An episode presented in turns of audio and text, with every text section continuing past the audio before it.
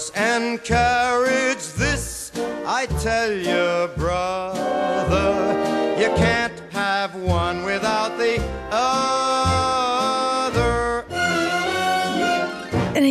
Morgen, middag of avond. Ja, ik weet niet wanneer je aan het luisteren bent, maar welkom bij onze podcast Married with Children. Alles wat je moet weten over liefdevolle relaties. Dat is een podcast met uh, tips en tricks om ervoor te zorgen dat de vlinders geen motten worden wanneer jullie als koppel voor een bepaalde uitdaging staan. Vandaag gaan we het hebben over het schoonste, maar tegelijk ook het ingrijpendste wat er bestaat. En dat is samen een kindje krijgen. In het begin is er eh, meestal toch die grote roze wolk waarbij jullie doverliefd alle vingers en teentjes stellen van jullie liefdesvruchtje. En dan komt het, de vrije val van de echte intimiteit. Alle ogen op ons kindje gericht en niet meer zozeer op elkaar. Bij mij zit Patricia van Lingen, oprichter van School voor Relaties. Auteur ook van twee boeken die echt de moeite zijn. Relateren kan je leren en alles wat je zegt ben jezelf. Ja, het is niet echt bij mij zit. Ik zit bij jou, hè, Patricia. Ja, dat We klopt. zitten hier bij jou thuis zeggen, in de praktijk. Jullie, ook welkom. hè, Ja. In, mijn, eh, in mijn eigen ruimte, waar Ja. ik me heel erg op mijn gemak voel. Ja. Born is er ook bij. Hè? Niet alleen om ervoor te zorgen dat dat hier allemaal technisch goed wordt opgenomen, hè? maar ook om... Een beetje testosteron in de Ja, alhoewel, jij bent wel heel erg in touch with your feminine side, dus laat dat testosteron maar een klein beetje harder spreken dan normaal. Goed, ik denk dat we er klaar voor zijn, zeker, om eraan te beginnen. Patricia, ja, we krijgen een baby. Wat is nu juist de impact van een baby op een relatie? Ja, de impact op een relatie is enorm. Eh, iedereen weet dat ook wel, dat dat zo is. Heel vaak, als mensen mij blij komen vertellen... oh, wij krijgen een baby... dan denk ik er stiekem toch wel een beetje bij... oei, oei, oei, je weet nog niet half wat je te wachten staat. Dat denk ik zelfs al. Ja. Als Ja. mensen dat zeggen. Ja, dat is ook zo. ehm, namelijk voordat je een kind hebt, is, is de focus heel erg gericht op elkaar. Hè? Je, je bent blij als je elkaar ziet. Je ligt op als je elkaar ziet. Hè? Je wordt vrolijk als je elkaar ziet. In de meeste gevallen dan toch. En eh, tijdens de hele zwangerschap ben je vol verwachting eh, naar je babytje. Hoe gaat dat zijn? En dan komt het babytje. En dan gaat in één keer de focus van elkaar naar het kind. En dan ontstaat er een driehoek vader, moeder, kind. En de, het is in de natuur besloten dat de, de, zodra de mama het kindje in haar arm heeft, dat ze haar focus verschuift van de papa naar het kind. Ja, dat is in de natuur besloten. Um, gewoon om te over, het kind te laten Ah overleven. ja, het kind hangt natuurlijk ook van ons af om, om eten te krijgen, voor alles. Hè? Ja, en daar is niks mis mee. Dat dus ik zei het al, het is de natuur. Maar we moeten er wel alert op zijn dat we vroeg of laat die focus terugschuiven. Want ik zei net al, op het moment dat het kindje geboren wordt... dan wordt die mama in al haar cellen mama.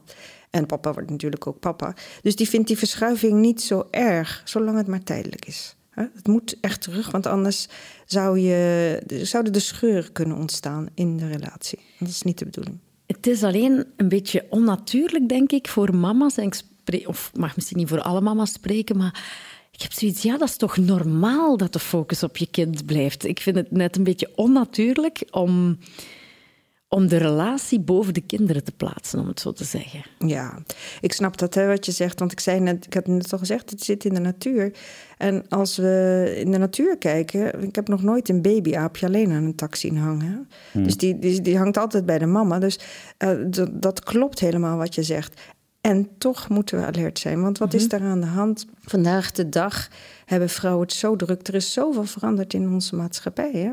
De, ehm, onze grootmoeders die hebben op de barricades staan, of bij mij dan mijn moeder, maar voor de jongere luisteraars zijn het vaak de moeders. Die hebben op de barricades gestaan en hebben gezegd: Wij willen ook rechten, wij willen ook een baan. En dat is fantastisch dat ze dat hebben gedaan. Daar ben ik heel erg blij omdat mijn moeder zo ver gekomen is. En anders had ik nu niet het werk gehad wat ik, eh, wat ik heb. Maar je moet je voorstellen, als we nog iets verder terug gaan, onze grootmoeders, die waren de hele dag met de kinderen bezig. En als de man dan thuis kwam, dan hadden ze daar ook meer aandacht voor. Hè? Er was er meer, er was weinig afleiding. Maar vandaag de dag is er onvoorstelbaar veel afleiding. Vrouwen multitasken waar ze kunnen. Ze hebben een fulltime job. Ze rogelen met het huishouden. Ze hebben de kinderen te verzorgen. Um, ze moeten ook nog sporten, want ze moeten er heel goed uit blijven zien. Ze hebben een heel sociaal netwerk. Ze moeten een onafhankelijk leven hebben. En daardoor, om dat aan te kunnen, heb je eigenlijk een hele sterke verbinding nodig. Een verbinding bedoel je, ja, die relatie met die met partner. Hè? Ja, en om dat aan te kunnen. Maar we zijn zo druk en we zijn zo moe. Dus wat, wat, wat zeggen we? Eh, weet je wat, die verbinding, die doen we vanavond. Ja, maar vanavond zijn we moe en dan denken we... weet je wat, we doen het morgen. Ja, en zo komt, komt dat eh, eigenlijk op de lange baan. En voordat je het weet, eh, beland je in een relatiecrisis. Ja, want de relatie is dan. Ik, ik begrijp dat je zegt van ja, behalve het feit van jouw kindje, is er ook nog de job die we moeten eren als vrouw. Hè, onze vrienden waarvoor we, waarvoor we moeten zorgen en een goede vriendin moeten zijn. En we denken, onze partner die kan er nog wel een tijdje tegen. Ja, dat denken wij vaak helaas. Maar het gaat uh, in, in, in een liefdesrelatie gaat het niet om de kwantiteit. Hè? Want je kunt, elkaar, je kunt 24 uur bij elkaar zijn en uh, weinig kwaliteit hebben. Mm -hmm. Maar de, de kwaliteit van, van hoe jullie met elkaar omgaan is het allerbelangrijkste. En heel vaak zien we dat voordat er een kindje is, is dat wel oké. Okay. Heb je interesse in elkaar? Anders komt dat kindje er ook niet. Hè? Dat is waar, Boor, dat is waar. Dan komt ah, dat ja. kindje er niet. Mm -hmm. Maar de, uh, je hebt dat, die verbinding, dus het, het, het, aan elkaar vragen. Hoe is het met je? Hoe gaat het met je? Hoe voel je je? Wat denk jij? Wat zijn jouw dromen? Dat heb je nodig. Ja, we zijn heel erg gefocust om dat allemaal aan onze kinderen te vragen. Wanneer die thuiskomen na school of wij komen thuis na ons werk, dan lichten we op met onze kinderen. Maar vaak schiet het dan er een beetje over om, om hetzelfde bij, bij de partner te doen. Dat is inderdaad waar. Terwijl heel vaak zie ik ook bij mensen met jonge kinderen um, dat de conversatie gaat over de kinderen. Huh? Oh, ja. babytjes. Oh, kijk, ze lacht. Oh, kijk, ze heeft een tandje. Oh, ze heeft een banaan gegeten vandaag. En dat is leuk en dat is logisch en dat is helemaal oké. Okay. En daarnaast moet er ook kwaliteitstijd zijn voor elkaar. Gewoon aandacht hebben voor elkaar. Af en toe is een, niet af en toe is een aai over de bol. Eigenlijk iedere dag. Huh? Dat is, uh... Ik kan me herinneren dat mijn, mijn, vrouw en ik een weekendje weg hadden ingepland. Toen uh, onze jongste, denk ik, een maand of drie, vier was of zo. Dat we ze zo net durfde achterlaten bij de, bij de schoonouders of bij de grootouders. Maar dat je jezelf er toch op betrapt, dat je de hele tijd aan het kijken bent naar foto's die worden doorgestuurd. Of, naar, uh, of ja. uh, je praat nog steeds over dat kind. kind ja. Omdat dat natuurlijk wel centraal staat. Ja, en dat is logisch. Hè? Anne zei het net al, dat is de natuur. En toch merk ik, als je de, klakkeloos de natuur volgt, dan ga je er niet mee komen in een liefdesrelatie. Ja, in de natuur inderdaad. Bij dieren zie je ook niet. Die gebruiken elkaar gewoon om het kind en dan daarna... Het mannetje gaat gaan lopen hè, vanaf het kindje uh, verwekt is. Ja. In, in vele gevallen toch. Dat is waar. Of de vrouw weet het mannetje op, dat kan ook. ja, ja oké, okay, laten we daar ons maar niet mee nee. vergelijken. Maar um, die kwaliteitstijd of die quality time, die is inderdaad heel belangrijk, Patricia. Maar ik hoor mensen dan zo tot hier roepen, ja zeg, dat is allemaal makkelijk gezegd en wel. Maar uh, ik weet sowieso al niet, uh, allee, zonder die kwaliteit die quality time als koppel heb ik al handen en tijd tekort om alles af te werken uh, dat er moet afgewerkt worden. Ja. Maar goed, wat ik ook heel vaak hoor, is dat mensen zichzelf geen oppas gunnen. Of doordat ze zeggen, hulp vragen, dat is ook uit een boze. En we willen zoveel zelf doen. Heel veel vrouwen, met name vrouwen, hebben het idee dat ze uh, moeten, moeten kunnen multitasken. Dat ze perfect moeten zijn. Uh, en doordat ze zoveel doen, ontstaat er ook bij heel veel vrouwen een schuldgevoel. Uh, en opereren ze naar hun kinderen vanuit schuldgevoel. Uh, dus wat krijg je dan? Dat als de, de kindjes, en dan moet ik oppassen dat ik niet uh, heel veel mensen op hun tenen trap. Uh, heel veel jonge kinderen, pasgeboren kinderen, of gaan na drie maanden al naar de crash hele dagen. En er is, zijn maar weinig moeders die zich daar echt van een, comfortabel bij voelen. dus die, die willen vlug naar huis, maar ze na een hele dag werken zijn ze ook moe. en geven het kind toch een flesje, maar zijn met hun gedachten ergens anders. Zijn nog bij het werk, zijn nog bij de taken die ze de volgende dag te doen hebben, bij het huishouden. En dat is weer wat ik bedoel, ook met kwaliteitstijd. Ze zijn er wel en tegelijkertijd zijn ze er niet. En van daaruit ontstaat dan ook weer dat schuldgevoel. En van daaruit ook weer een groot schuldgevoel. Uh, ook naar het kind dat ze er niet helemaal kunnen zijn, dat ze er niet vaak zijn. En gaan, uh, dan komt er compensatiegedrag. Ja, en dat is dan ze op de eerste plaats zetten en de partner op de tweede plaats? Of... Ja, zo kun je het eigenlijk zien. Hè? Dus uh, het, meest utopische zou zijn jezelf op de eerste plaats. Hè? Dan je relatie en dan je kind. Ah, ja. Maar voor heel veel koppels is het kind op de eerste plaats. Maar hoe voelt dat Of bij er- u nu als man? Voor een, van, voelt dat bij Ik- u ik natuurlijk herken- om uzelf op de eerste plaats te zetten? Always think of number one. Je hoort dat toch vaak, dat je, dat je jezelf gelukkig moet houden alvorens dat je anderen Ja. gelukkig kan maken. Dus ik geloof daar wel voor een stuk in, maar ik zie wel vooral bij mijn vrouw ehm, dat zij zichzelf op de laatste plaats Ja, zet. Dat is ja, het. Hè? dat is bij en mij dat zorgt ook er ook zo. voor dat ze diep ongelukkig worden Ja. na verloop van tijd. Ja, ja, maar dat is ook. Dus ik begrijp het vanuit die optiek, begrijp ik het met mijn hoofd, maar mijn hart wil niet mee. Ja. Hè? En daarom denk ik dat het heel goed is om eens even stil te staan als vrouw, en- of eigenlijk als koppel, die dus aan kinderen beginnen of kinderen hebben, en zeggen: Oké, wacht eens even. Hoe doen wij het constructief? Hè? Is, er, is er sprake van schuldgevoel? Eh, zo ja, kunnen we dat anders doen? Kunnen we dat anders aanpakken? Kunnen we eens hulp vragen? Kunnen we eens vragen, kunnen we de kindjes eh, eens een keertje uit logeren doen? Of bij opa en oma, die er trouwens dolgelukkig mee zijn bijna altijd als de kinderen komen logeren. hè? Die vinden dat, de meeste opa's en oma's vinden dat fantastisch.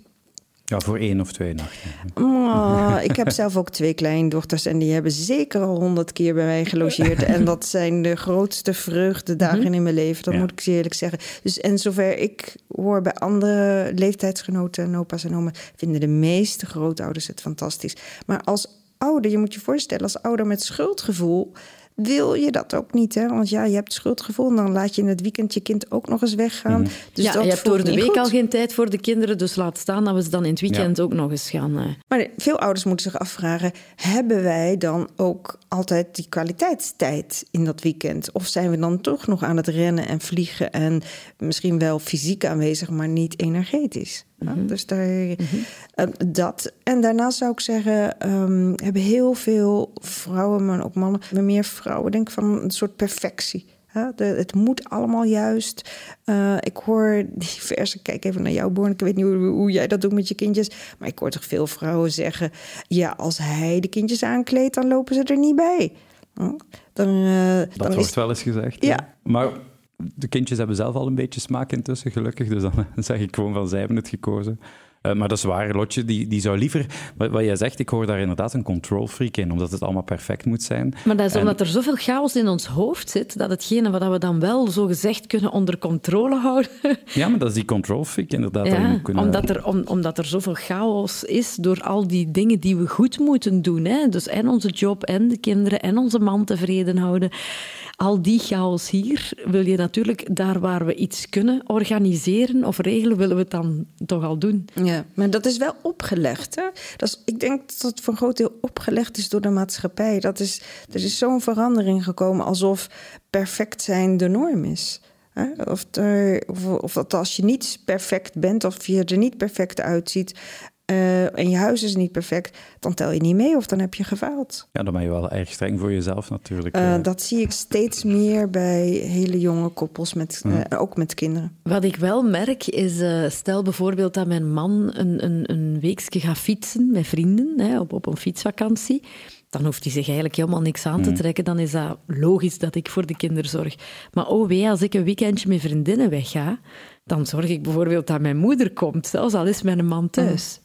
Maar goed, je zegt het zelf, hè? dan Ja. zorg ik dat mijn moeder komt. Ja. Want dan, daar, dan denk ik dat het eh, ook veel vrouwen durven de controle niet los te laten. Want die man doet dat, kan dat best. En Ja. vandaag de dag zijn er toch heel veel mannen die ook een grote taak Mhm. hebben in het huishouden. Ook de kindjes heel goed kunnen aankleden en verzorgen. Alleen misschien niet op de manier waarop wij vrouwen het doen. Nee, maar die en dingen verwachten. vind ik, dat, dat aankleden en zo vind ik allemaal niet zo erg. Maar als je zo op, eh, ja, met bepaalde dingen geconfronteerd wordt, dat je voelt van oei, hier, hier als man ziet hij wel iets Noem eens een voorbeeld. Hm? Ja, bijvoorbeeld, we hebben water in de tuin. Een, rivier dat er stroomt. Hè? En ehm, mijn man kan dan zo vijf minuten in zijn tuinkot verdwijnen.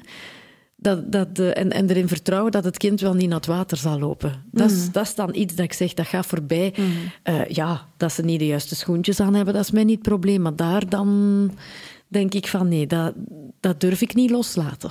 Oké, maar dat betekent dat je met iets anders met je man niet op één lijn zit. Dat je hem dus niet helemaal vertrouwt Mhm. Ja, dat als klopt. papa. Dat klopt. Dus, en, en daar, ja. dus dan zou je daar eerst iets moeten uh, aan doen. Hè? Dan moet je eerst zorgen dat de neuzen dezelfde kant op komen. En gewoon met hem delen van... kijk schat, ik vind het heel fijn dat... Uh, ik, ja, ik vind het fantastisch dat ik weg kan gaan... maar ik ben hier ongerust over. In plaats hem te behandelen als een klein kind en dan, dan alweer zeggen: Ik regel mijn moeder die komt en een oppas. En waarin hij ook denkt: van ja, ik doe toch weer niet goed in haar ogen, laat maar. Mhm. Ja, want wat jij nu zegt, heb ik ook bijvoorbeeld met mijn eigen ouders. Als ik weet van er zitten drie kleinkinderen daar, die hebben ook maar twee paar ogen. En dan heb ik ook al een beetje schrik van: van ja, we gaan die wel alles zien? En als er daar eentje wegloopt of zo. Dus dat vertrouwen heb ik. Allee, zelf dan als papa ook naar mijn eigen ouders oh, of naar een oppas toe. Mhm. Dus ik snap wel ergens dat dat, dat dat vertrouwder moet zijn. Maar... maar in de relatie is die gelijkwaardigheid wel belangrijk. Hè? Het is, belangrijk dat we onze partner niet zoals een kind gaan behandelen. Hè? Want dan kunnen we er ook niet meer naar opkijken en dan hebben de kinderen geen goed voorbeeld. Dat is waar. En dat is toch wel... Dat dus net zoals ik zei, er is heel veel veranderd in onze maatschappij. Het is mijn vader, het schijnt dat hij uh, nog nooit een luier heeft ververst, want dat vond hij stinken. Uh, vandaag zie ik heel veel vaders die ook achter de kinderwagen lopen, van alles doen, ook in het huishouden.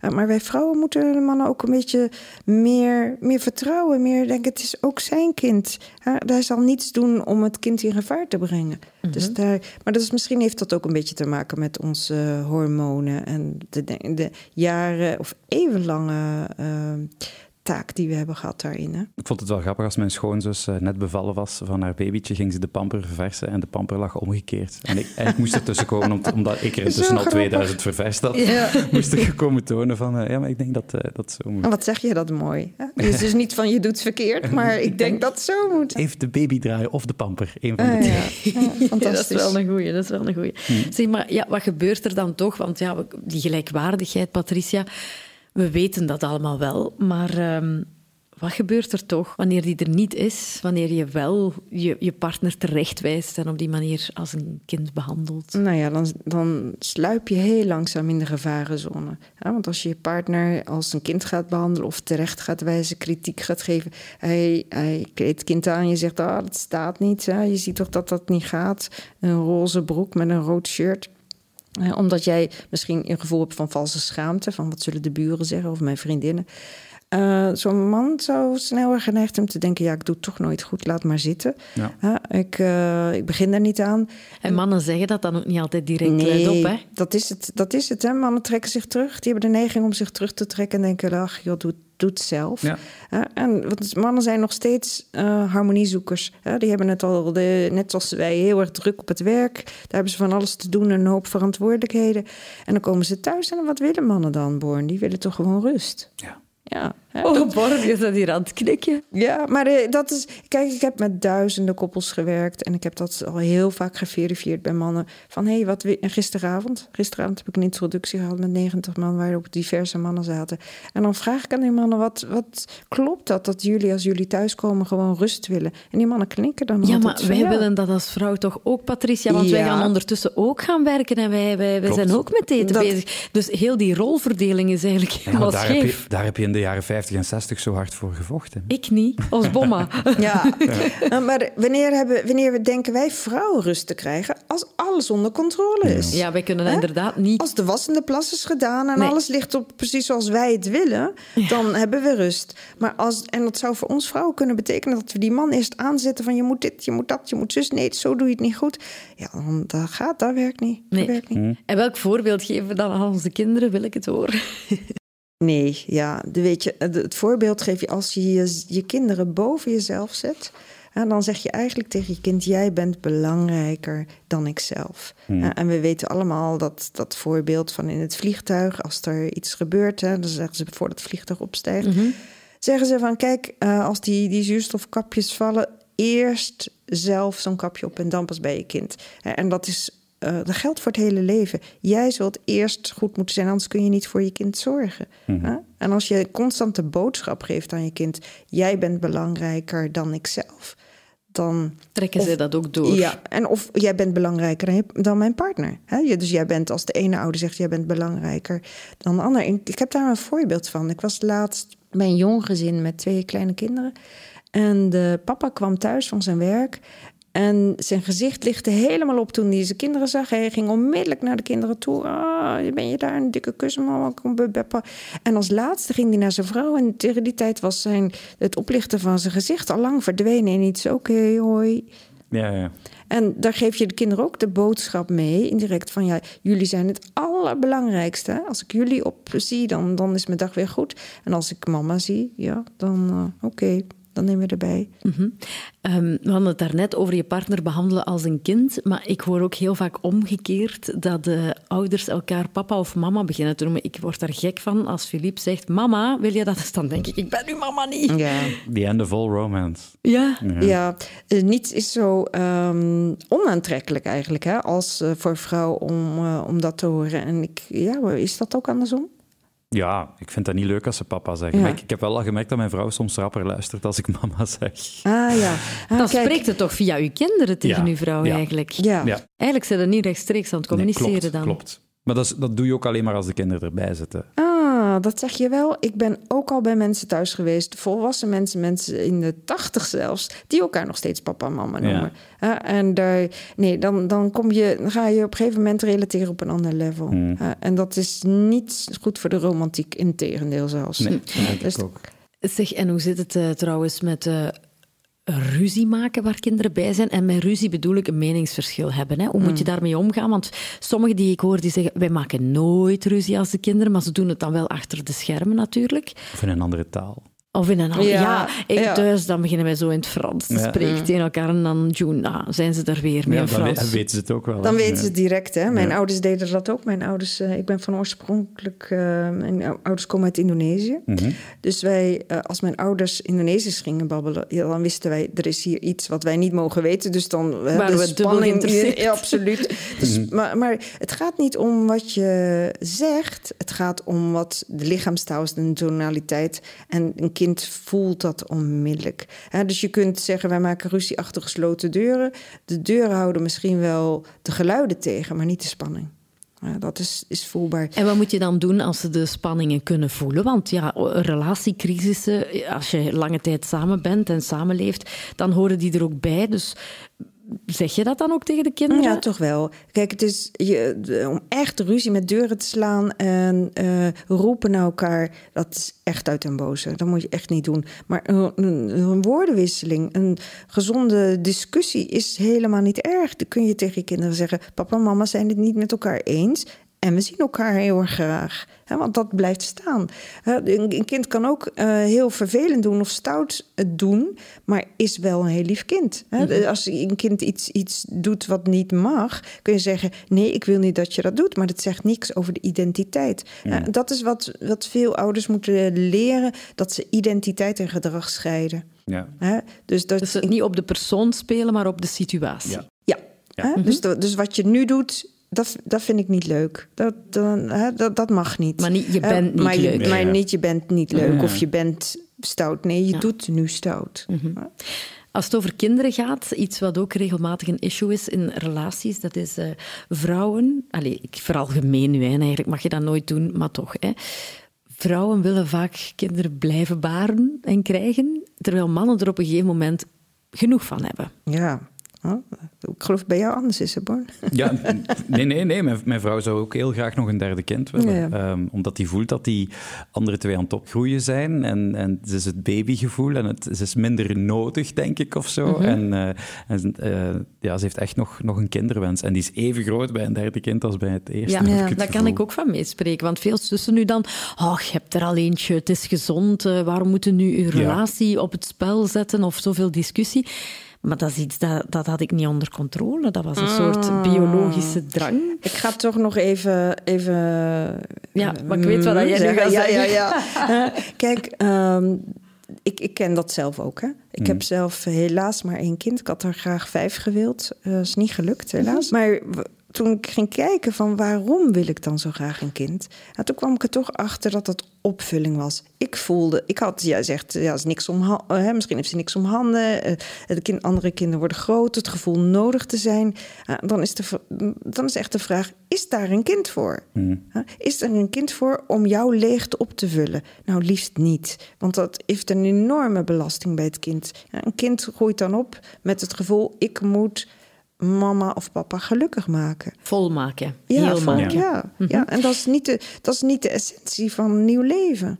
Ja? En kwam jij zelf ook uit een gezin met, met meerdere kinderen? Ja, ik kwam uit een gezin met vijf kinderen, dus dat was altijd ambiance. Ja. Is dat het- zegt mijn vrouw ook, omdat ze uit een gezin kwam Ja. met vier kinderen. Dat ze zegt, maar het was zo leuk Ze willen altijd. dat dan meenemen, hè? denkt het, ja. Ja. Ja. maar er is geen garantie dat het dan bij Nee, jullie klopt. dan ook zo gaat zijn. Ja, en de, de- een kind mag nooit een, een opvulling zijn of een invulling van een tekort. Maar, dus maar ontstaan niet alle kinderen zo? ik vrees heel veel wel bij, als ik heel eerlijk ben, Allee, is het bij wij- mij wij ook zo dat is toch uw kinderwens? Dat is toch ergens Dat is dat? egoïstisch, hè? En, eh, Ja, maar het zou mooier zijn als... Want het is een enorme belasting voor een kind. Hè? Als je weet dat je, dat je mama had niks om handen, er was een leegte. Nou, eh, oké, Mhm. dan, dan maar een baby. Daar, daar, daar ben je, dan ga je op een gegeven moment daarin rebelleren. Jij denkt dat een kind dat voelt? Eh, Ehm, zeker weten. ja. Zeker weten. En een kind kan dat niet benoemen. Een kind van drie kan niet benoemen...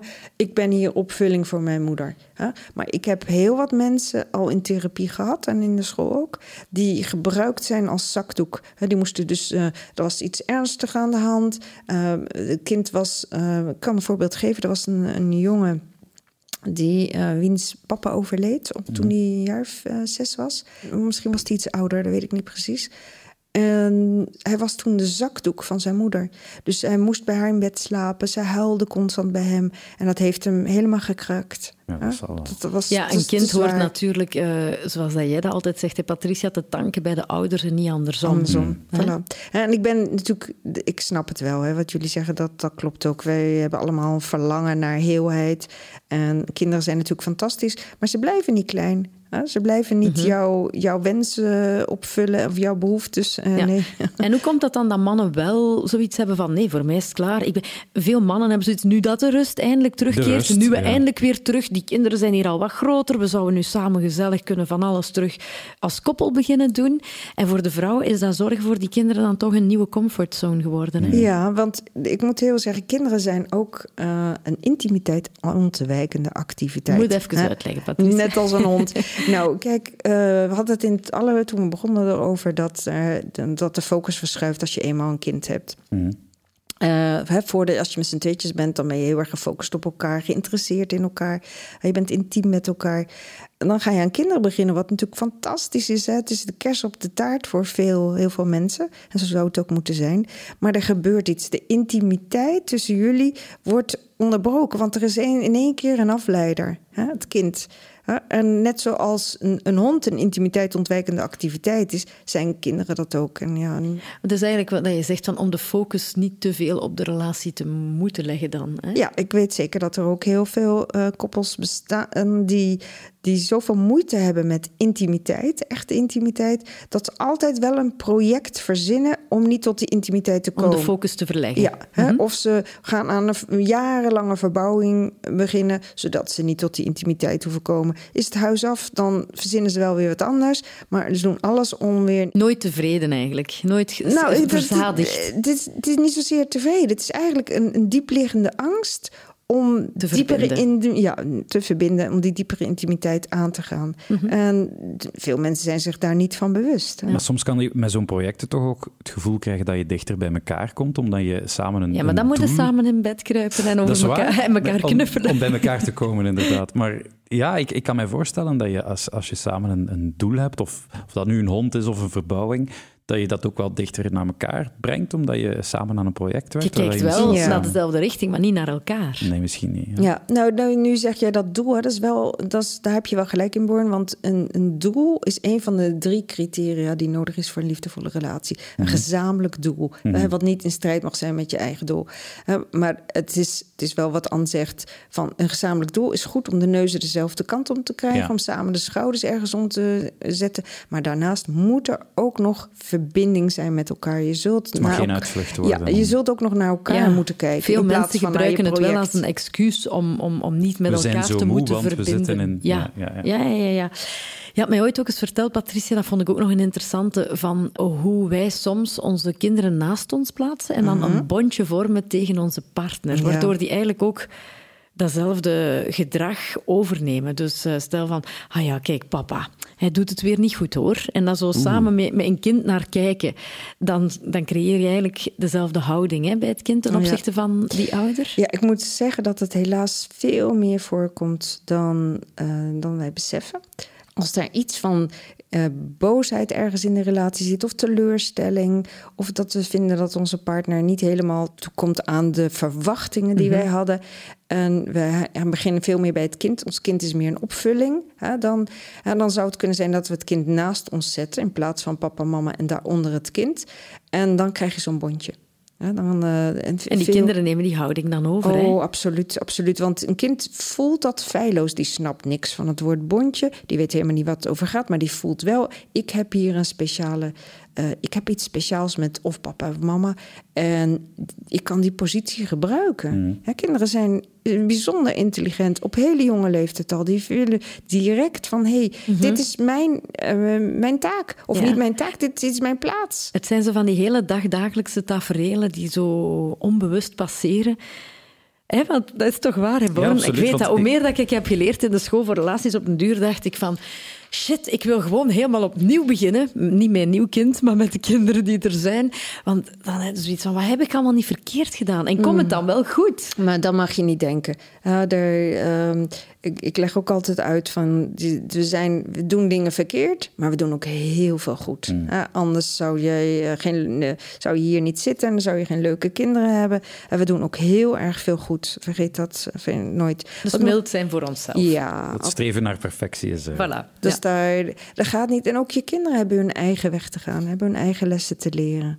Ja, dus En, daar- ook- ja, en het is nooit te laat, hè? nooit, nooit, nooit, nooit. Ik heb eh, jaren stervensbegeleiding gedaan. Ik heb heel veel mensen helpen sterven. En vanuit die ervaring weet ik, het is nooit te laat om naar jezelf te kijken. Nooit.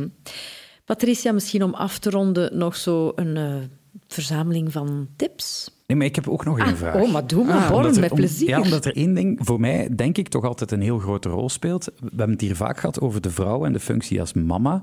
Maar dat is toch natuurlijk ook biologisch gezien de grootste impact. Allee, op, een vader heeft een kind, biologisch gezien, buiten een beetje slaaptekort of hormonaal, niet zoveel invloed. Maar een vrouw gaat toch al negen maanden lang door een rollercoaster van hormonen, waarin dat de relatie ook al verandert, met huilbuien en, en ups en downs en ehm, het, de, bui, de buik beu zijn en moe zijn, of, of de buik juist heel leuk vinden. Dan komt dat kind er, is er die roze wolk, dan is er borstvoeding en dat wil niet lukken of wel lukken. Of, ehm, dat, Ons dat er ik bedoel, ons lichaam... puur lichamelijk Ja. en hormonaal heeft een vrouw het toch ook op zich al veel moeilijker om... Een om- grotere impact. dat denk ik toch wel. Mhm. Ehm, En ik denk dat dat ook voor veel vaders ook een hele periode is, voor mij persoonlijk, Waar je jezelf... waar dat ik niet zo fan van was. Ja, eh, De zwangerschap. Om dan nog Omdat maar je te vrouw zwijgen- ziet afzien? Ja, of? ook al. En, en ook achteraf, laat ons eerlijk zijn, intiem zijn, dat zal niet zijn voor de dag na de bevalling. hè. Mhm, dat is Ehm, waar. Daar moet je ook nog even op wachten. Dat heeft er toch ook allemaal mee te maken, Dat is waar, Born. En wat ik ook merk, jij, jij bent hier nu open over. En ik denk dat veel meer mannen daar open over zouden moeten kunnen zijn. Ja, want velen zitten als dat is eigenlijk toch nog een soort taboe, hè? Want je moet, je moet heel erg happy zijn, want je kindje komt eraan en met alle, alle Mhm. roze wolkjes die daarbij horen. Maar het is voor een man ook gewoon afzien. Hè? Zo, de- zo is Ja, dat ook op een Maar je bepaalde manier. formuleert het nu zelfs vanuit haar perspectief. En dat vind ik zo knap, want de meeste mannen beklagen zichzelf in die situatie of die positie. Maar dat heb jij... ik ook wel gedaan met momenten, maar ik snap wel dat het voor haar een veel groter impact had. En, en eh, dat dat zijn... Eigenlijk zijn wij gewoon Gevolgen volgens de natuur niet bestemd om na een kind te krijgen samen te blijven. Nou, dat is niet helemaal waar hoor. Dat is Nee, nee. helemaal waar. Maar goed, wel, eh, ik, ik, versta, ik versta heel goed wat je zegt. Ehm, ik denk, maar je moet je eigen rol niet onderschatten als vader. Hè, want de vrouw verschuift haar focus naar het kind. Hè, dus dat is een directe lijn. Dus op het moment vanaf de conceptie is er namelijk een symbiotische relatie tussen moeder en kind. Ja, dat is bijna geen keuze, dat is echt dat, de bio... dat, ja. ja, een symbiotische relatie. Op het moment dat het kindje wordt geboren, wordt de navelstreng doorgeknipt. Dan verdwijnt de fysieke symbiose, maar de energetische symbiose blijft bestaan. Hè, iedereen weet dat als het kindje, als de mama heel erg oeh is en heel erg gespannen en gestrest, Absoluut. dan kan het kindje niet drinken of wil Zijn niet slapen. communicerende Ja. vaten. Hè? ja, voilà. Eh, en dat eigenlijk die symbiose die er tussen moeder en kind heert, die energetische symbiose die blijft bestaan, die duurt zo 7, 8 jaar. Hè? En de taak van de papa is, dat is het mooie, is om dat heel langzaam te verbreken. Ja. Dus die papa heeft ook een hele belangrijke rol. Hè? En in de eerste fase, in de eerste drie jaar in het preodipale stuk, heeft die papa namelijk de, die is eigenlijk het tankstation voor de mama. Hè? Dus eh, het is niet zo dat hij niet meespeelt hè, of dat hij, dat hij net zo goed weg kan gaan. Nee, hij, hij zorgt ervoor dat hij, als die verbinding hoog is bij papa en mama, is dat heel erg helend voor het kind. Ja. Dat, dat is waar het over gaat. Kind- zeggen naar mijn vrouw. Ja, ja, nee. Beter naar de papa moet luisteren. Nee, de- Maar een dat is kind niet wat ik zeg. Ik zeg, hè, ik zeg dus, die, die verbinding tussen papa en mama, dat is zo zalvend voor een kind. Dat Ja, is het een kind ziet dat eigenlijk zelfs liever. eh, nee, ik, ik zie ook bijvoorbeeld Jackie, onze jongste, die geniet daarvan als wij aan het knuffelen zijn. Die kijkt daar echt zo Ja, tuurlijk. genietend naartoe. En dat is, weet je, zij is ontstaan uit die verbinding. Zij is ontstaan uit het feit dat papa en mama hebben seks met elkaar gehad. Die waren één, die hebben elkaar lief gehad op dat moment. Hè, dat was een extatisch moment. Ik zeg altijd mensen, de seks is toch nog een beetje een ongeschoven kindje. Zo van, ja, ja, we doen er allemaal aan, maar we willen het er niet over hebben. Maar wij zijn ontstaan uit seks. Ja. En onze ouders hebben daar, als het goed is, heel veel plezier bij geleefd, beleefd. In ieder geval je vader. Hè? Is in ieder geval één die een orgasme heeft gehad. Als, je, als je geluk hebt, twee, alle twee. Hè? Maar het is in ieder geval één. En wij zijn ontstaan uit die orgastische energie, uit die extase. En ehm, die, dus die- het kind is alsmaar op zoek naar die verbinding tussen de ouders waar het Ja, uit ontstaan is. Ik onthoud, ieder kind is eigenlijk een orgasme. Dat vind ik Och, heel mooi. dat is heel top, Ja. inderdaad. En ook het feit dat dat inderdaad tot hun 7, 8 jaar vinden ze het geweldig dat hun ouders zich aan het verbinden zijn. Ja. En daarna hebben ze, hebben ze zoiets van, wat doen jullie nu? Dan is die energetische symbiose Ja. misschien eh, Ja. waaruit dat ze ontstaan staan zijn. zijn. Door. Kijk, dat is een beetje een open deur ingooien. Bijna iedere volwassene eh, krijgt eh, zoiets, een dego bij het, bij het visualiseren dat je ouders ook nog seks hebben met Ja. elkaar. En dan denk je, Maar dat is eh, een andere podcast. Ja, dat gaan we het de volgende keer over hebben. Dus maar, misschien... het nog is wel de basis. Ja, het is ja, wel de ja. basis van Ja. alles. Nog een paar tips, Patricia, om, om het hier af te ronden? ja, zeker. Eh, wat ik heel veel zie bij eh, vooral jonge ouders, is dat ze vergelijken. En doe dat nooit. Van, ah ja, mijn vriendin, de man van mijn vriendin doet dat en dat. En hij gaat met de kinderen daar en daar naartoe. En ik zie jou dat nooit doen. Stop daarmee. Als je vergelijkt, dan trek je altijd aan het kortste eind. Want wij mensen zijn nou eenmaal geneigd om te vergelijken met daar waar het beter is. Ja. Hè? Het De gras is gras is altijd groener bij de Ja. buren. En dat gaan we zeggen wanneer het minder is en, en, en we Ja, kunnen dan onze houden we ons partner mond, hè? ophemelen, dan zijn we Ja. niet geneigd om dat te gaan vertellen. Hè? Ja, dus dat, eh, dat zeker niet doen. Voorts kom ik ook eh, koppels tegen. Want ik kom natuurlijk veel mensen tegen die in een relatiecrisis zitten. Want anders komen ze niet bij mij. Maar er zijn daarvan toch nog een heel stel. die gewoon voor een eh, tweede, derde, vierde kind gaan. eh, terwijl, terwijl er al sprake is van een relatiecrisis. Doe dat niet. Die denken dat dat de redding zal zijn. die denken dat dat de redding zou zijn. Dat ze even, ze, hebben nu, ze hebben al een bevalling meegemaakt of een, of, of een pasgeboren baby. Ze weten dan komen we even bij elkaar. De, even, de neus staan dezelfde kant op. We zitten even op een wolk, maar die wolk die gaat voorbij. Hè, En dan is de crisis, is het de kloof vaak nog groter. Ja. Dus gebruik nooit een kind om te denken dat je, dat je relatie eh, Nieuw leven nieuw kan leven kan inblazen. Ja. Uh, ehm, voort zou ik ook zeggen, doe, dat is wat ik ook heel veel zie, ehm, dat kinderen, vooral hier in Vlaanderen, opgevoed worden met doe je best, doe je best. Mhm. We moeten altijd maar presteren, hun best doen. Nee, laat, zeg gewoon tegen je kind, ben jezelf. Ja, ah, wel, maar ik, ik zeg ook vaak, doe je best, maar niet met de bedoeling van om te presteren, maar eerder van, dat is meer dan goed genoeg, dat is voldoende. Als je gewoon doet wat je kan, wat er in je zit, dan heb je je best gedaan en dan is het oké. Maar is het ook oké als ze eens een keer niet hun best doen? Wij hebben ook Ja, dat waar. days als volwassenen. Dat we nonchalant Dat omspringen. is een met iets. nonchalant omzien dat we zeggen, vandaag even niet. En zijn we dan niet oké? Maar door alsmaar, door vaak te horen, we leven al in zo'n ik. prestatiemaatschappij. Hè, waarbij er, je moet je voorstellen, er is ehm, onze rapportcijfers worden al heel jong, worden, krijgen we een cijfer. Het gaat om de top drie. Hè? Eh, je moet bij de drie beste behoren. Alles wordt zo afgemeten Ja. dat heel veel kinderen staan al heel jong onder druk. Ja. Dus gewoon inderdaad, doe jezelf, volg je hart, eh, doe je ding. voilà, doe je Mhm. ding. En is het goed, is het goed. En is het een keer wat minder, ook goed. Ja. Oké. En eh, ik zou zeggen, dat vind ik een hele belangrijke investering in kwaliteitstijd. We hebben het er al over gehad. Ja, wij hebben hier ook al gezeten, hè? Patricia, mijn man en ik. Ja, maar kwaliteitstijd niet alleen voor jezelf, maar ook eh, als het dan even gaat... eh, eh, In de een ki- opvoeding, hè? Een kind moet zien van papa en mama doen ook dingen samen. Die investeren ook in, in kwaliteitstijd. En dat betekent, het is gewoon geen grote dingen te zijn... maar maken ze een dansje in de woonkamer eh, samen. ehm eh, zingen, ze, maak, heb plezier samen.